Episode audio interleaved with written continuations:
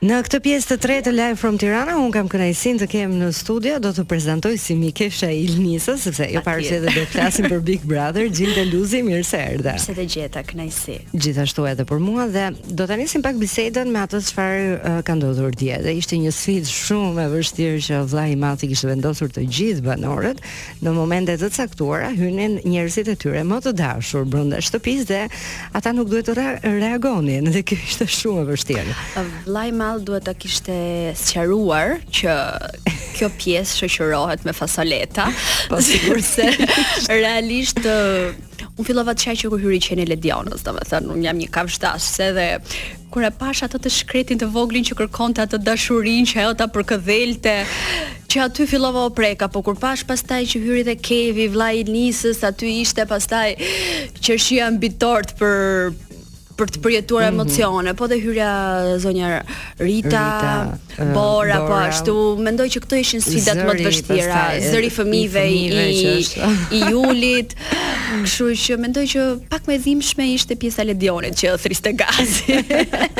Kështu që në pjesët e tjera ishte shumë emocionuese, ishte sikur kishe pesë surpriza prime brenda mm. brenda një dite. Edhe emocione të forta sepse forta. ne po e diskutonim edhe po. jashtë mikrofonit që ne na ndodh në të përditshmen tonë që ndoshta um, Kemi jemi larguar një fundjavë për qejfin tonë dhe prapë na merr malli, qoftë për prindërit, qoftë për motrën, vllain apo për kafshët, për çfarëdo lloj gjëje, jo më tani të imagjinosh njerëz të izoluar brenda një shtëpie që vërtet kanë marrëdhënie dhe kanë dinamika shumë të forta me pjesë me disa nga pjesëtarët aty brenda edhe me të gjithë herë pas here dhe kur shohin një një ndër njerëzit më të dashur të tyre dhe nuk reagojnë dot ishte shumë e dhimbshme e vështirë madje ideja është që un kam parë dhe komente që thonë që jo pse uh, po viktimizohen nuk mund të viktimizohesh në atë lloj gjëje mm. sepse ti je i detyruar të bashkëjetosh me ato njerëz dhe ndërkohë ne ikim jashtë dhe kemi mundësi teknologjia na e ka bërë të mundur edhe t'i shohim, edhe të flasim, edhe ndërkohë ti je atje dhe nuk e dëgjon as zërin, nuk e di as se si ato janë, ke një presion psikologjik goxha të madh, ke një trysni në të gjithë, se ti jashtë ke mundësinë e zgjedhjes nëse ti dëshiron të rrish apo mos të rrish me disa njerëz, ndërsa atje nuk e ke. Kështu që dhe presioni bën të veten. Megjithatë pati një zarf të zi oh. brenda shtëpisë. E pat. e patë dhe një të zezë.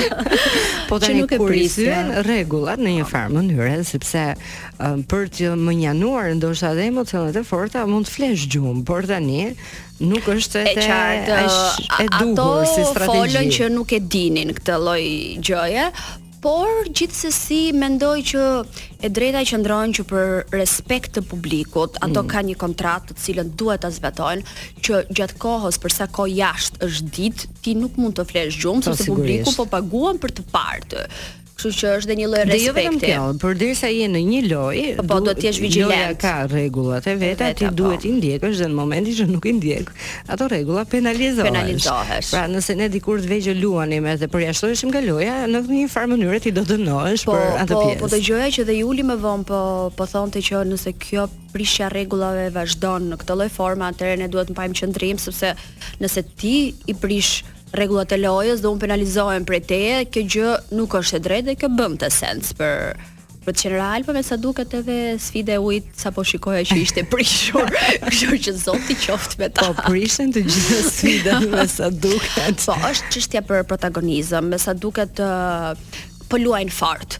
Pra unë mendoj që të gjitha ato banorë aty, ë uh, janë një orkestër simfonike që secili ka të rolin e rolin e vet, edhe rëndësinë e vet për të për të luajtur. Një violinë e parë është fundja e fundit në orkestër që do dali në fund, por që kjo pjesa të realizohet, duhet që të gjitha këto veglat muzikore, le t'i quajmë, duhet të mhm. luajnë. Kështu që unë nuk mendoj që ka lojtarë pozitivë apo negativë. Mua më pëlqen ta citoj dhe këtë pjesën që tha Ilnisa që ka lojtarë pozitivë dhe më pak pozitivë që kanë zgjedhur të luajnë rolin e antagonistit për të marrë më shumë vëmendje. Mm -hmm. Sepse nëse të gjithë do bënin të mirin, të gjithë do bënin që janë dakord, unë nuk mendoj për shembull që Egla një patjetër nuk mund ta mohojmë është një intelektuale, një aktore, ë uh, është mjaftueshëm e vetëdijshme për ta kuptuar që ajo nuk është Egla. Ajo është një person që po e bën atë lloj gjëje kastile për të pra luajtur dhe për të rënë në sy. Në kuadër të lojës së saj. Mirë. Xhilda ne do ta vazhdojmë uh, bisedën edhe më gjatë dhe dua të di edhe se si e ke parë ti uh, Ilnisën brenda shtëpisë dhe a je surprizuar me ndonjë gjë prej saj. Por fillimisht do të shkojmë tek një artiste që ne e kemi të gjithë shumë për zemër, është Dua Lipa me Dance the Night. E lamë bisedën tani te si të është dukur mikesha jote brenda shtëpisë Big Brother dhe po flasim për Ilnisa Agollin. Fillimisht, ëm um, kur filloi ajo pëlqimi me Meritonin, e ke besuar që do të ishte një lidhje e vërtetë apo si e ke jo, parë? Jo, nuk e kam besuar që mund të ndodhte një herë si në fillim, mm -hmm. dhe kam deklaruar, mendoja që Meritoni ishte një person që po i rrinte afër në fillim, tregoi një besnikëri kundrejt asaj, kur banorët flisnin kundra, kur ajo nuk ishte prezent, dhe i shkonte ja tregonte këtë gjë duke i thënë shiko, edhe e mbronte kur ajo nuk ishte prezent, dhe mendova që në një trysni aq të madhe sa ç'është Big Brother, ajo do ishte ë do ta kishte një mik te të cilin do gjente këtë ngrohtësinë që i mungon nga pjesa e njerëzve që janë jashtë.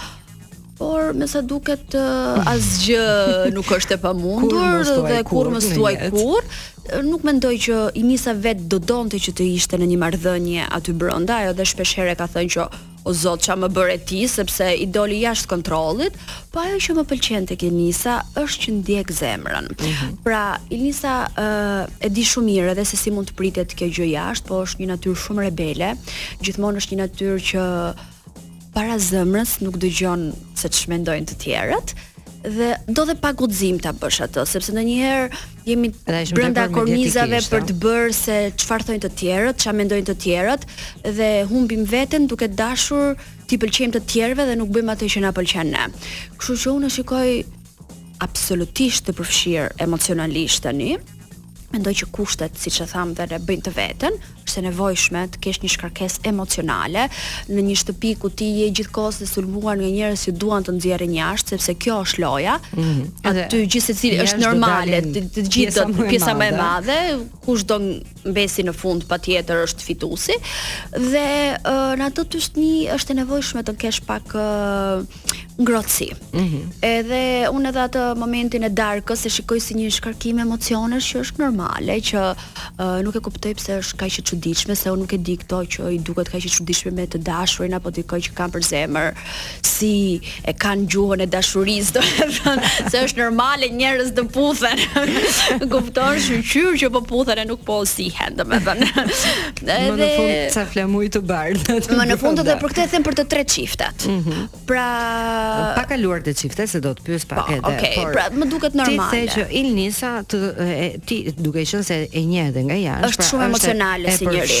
Dhe ajo këtë emocionalisht, Më besoj që Ilnisa është përfshirë emocionalisht aty me dy njerëz të tjerë që ishte Gazi mm -hmm. dhe mhm. Meri. Unë e njoh Ilnisën dhe e di kur e ka dikë xhan dhe uh, ato nuk i shikon fare në kuadrin e lojës, pavarësisht se Meri ka dalë jashtë, por që i ka xhan dhe uh, edhe me debatet që ka bërë me Gazin që është prekur se vërtet e ka xhan atë atë njeri. Pra aty brenda është krijuar edhe një miqësi, po them, kështu kështu e sheh ti, por doja të të pyesja pak për uh, pjesën e Meritonit. Okej, okay, mhm. Ilnisën ti e sheh që është e përfshirë sepse i ja një edhe disa gjëra.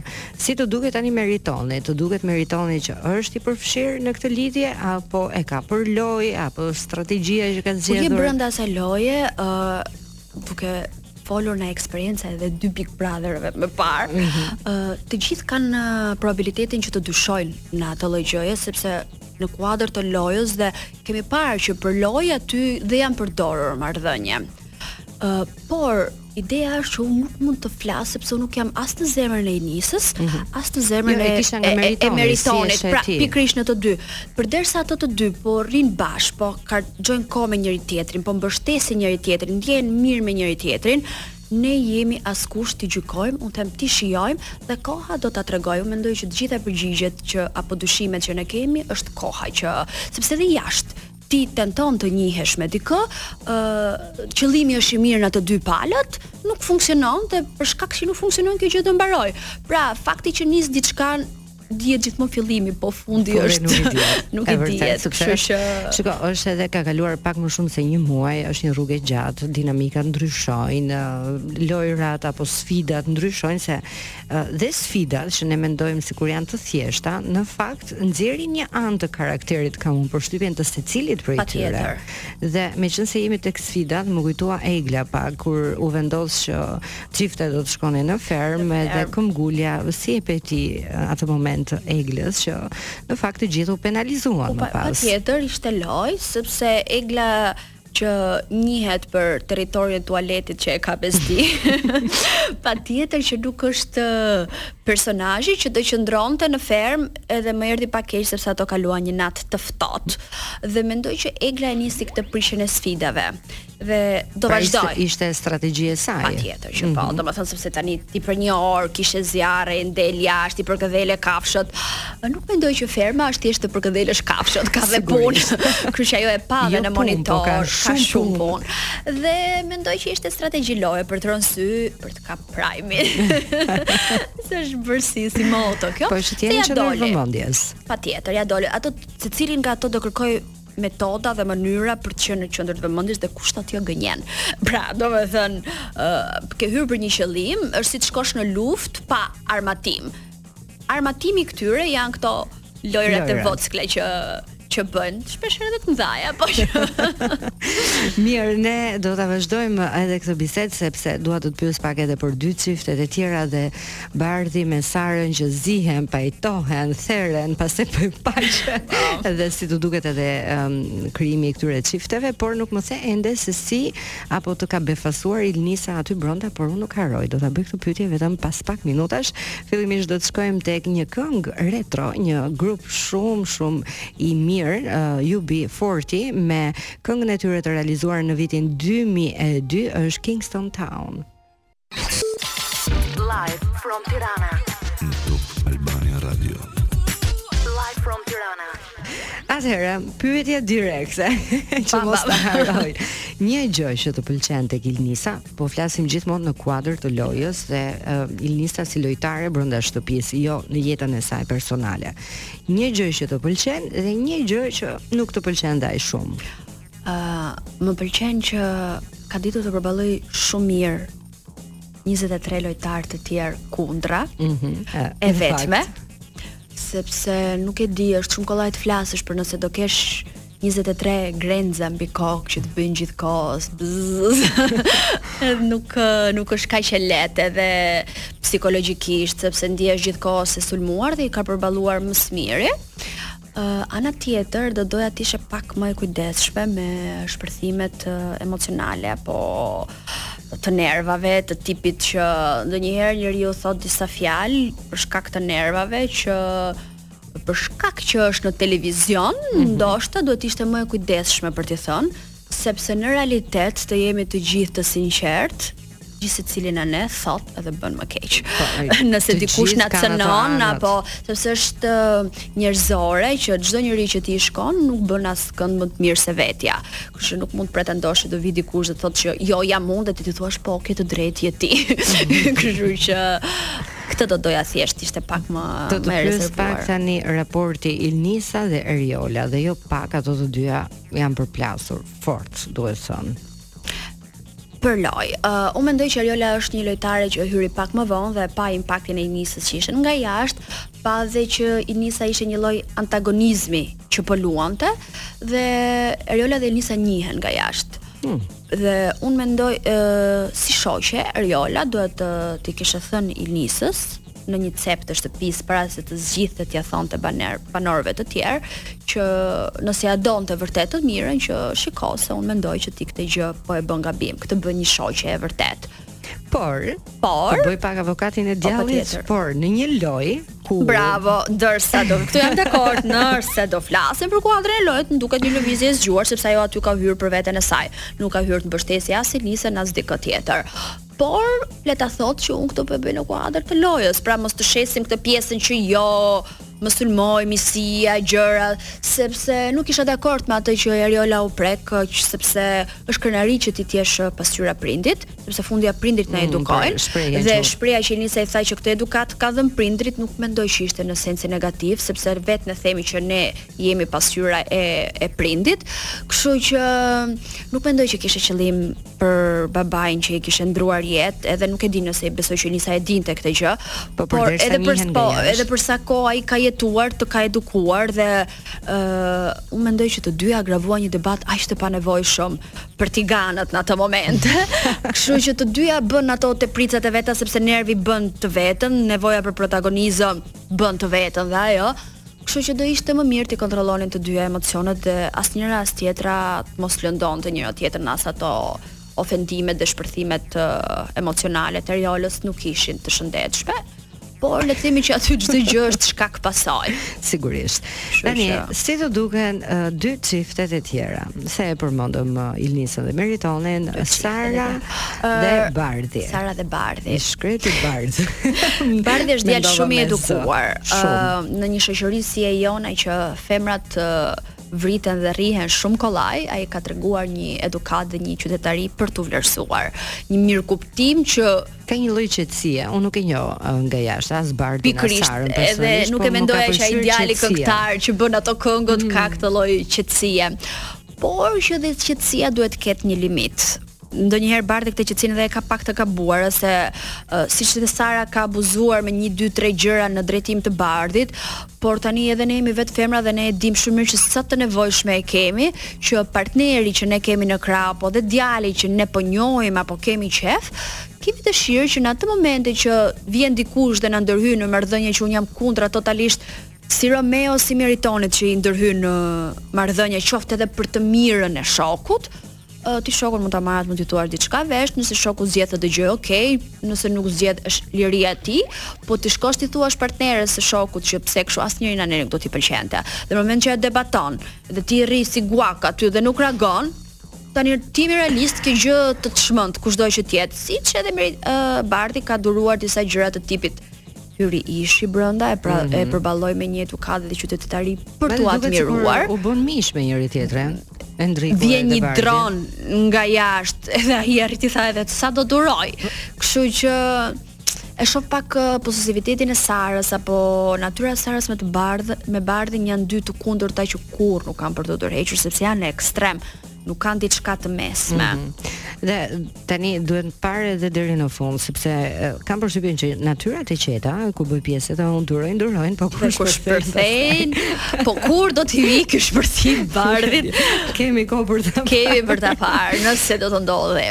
Ndërsa Heidi dhe Romeo, më pëlqen që i kanë marrë gjërat me avash. Ëh, mm -hmm.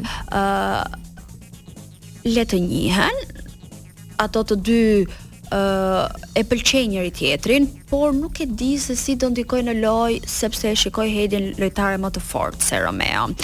ë dhe kjo ka qenë një surprizë edhe vetë për Romeo dhe ai shpeshherë e thotë që ti do ma bësh gropën. Uroj që të jenë të lumtur, ta shijojnë njëri tjetrin, ë të ndihen mirë. Ja, një çift shumë simpatik. Po, për më tepër. Për për më tepër shkojnë shumë. Më pëlqen edhe bashkimi që fansat i kanë bërë emrit të tyre si hashtag.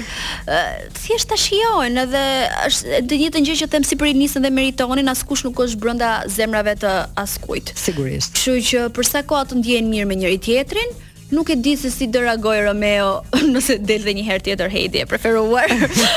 Por s'do e përballojë dot po thua? Kur dikush të do apo se të do është fjalë shumë e madhe të pëlqen apo ka ndihet mirë pranë teje, patjetër që do jetë dhe krenar për ty nëse ti shihesh mirë në sytë e publikut, sidomos mashkulli.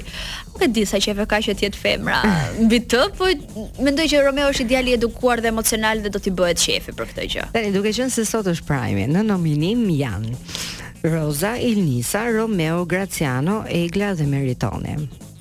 Kush mendon që do ta lërë shtëpinë sot? Të të të të të të. Mend, është nominim shumë i fortë. Shumë. Mendoj që aty ka shumë. Dhe mua më pëlqen që për herë të parë është si një ndeshje titanësh. Por që do ishte më mirë të dilnin disa të tjerë që s'po bëjnë asgjë ndërkohë para para këtyre.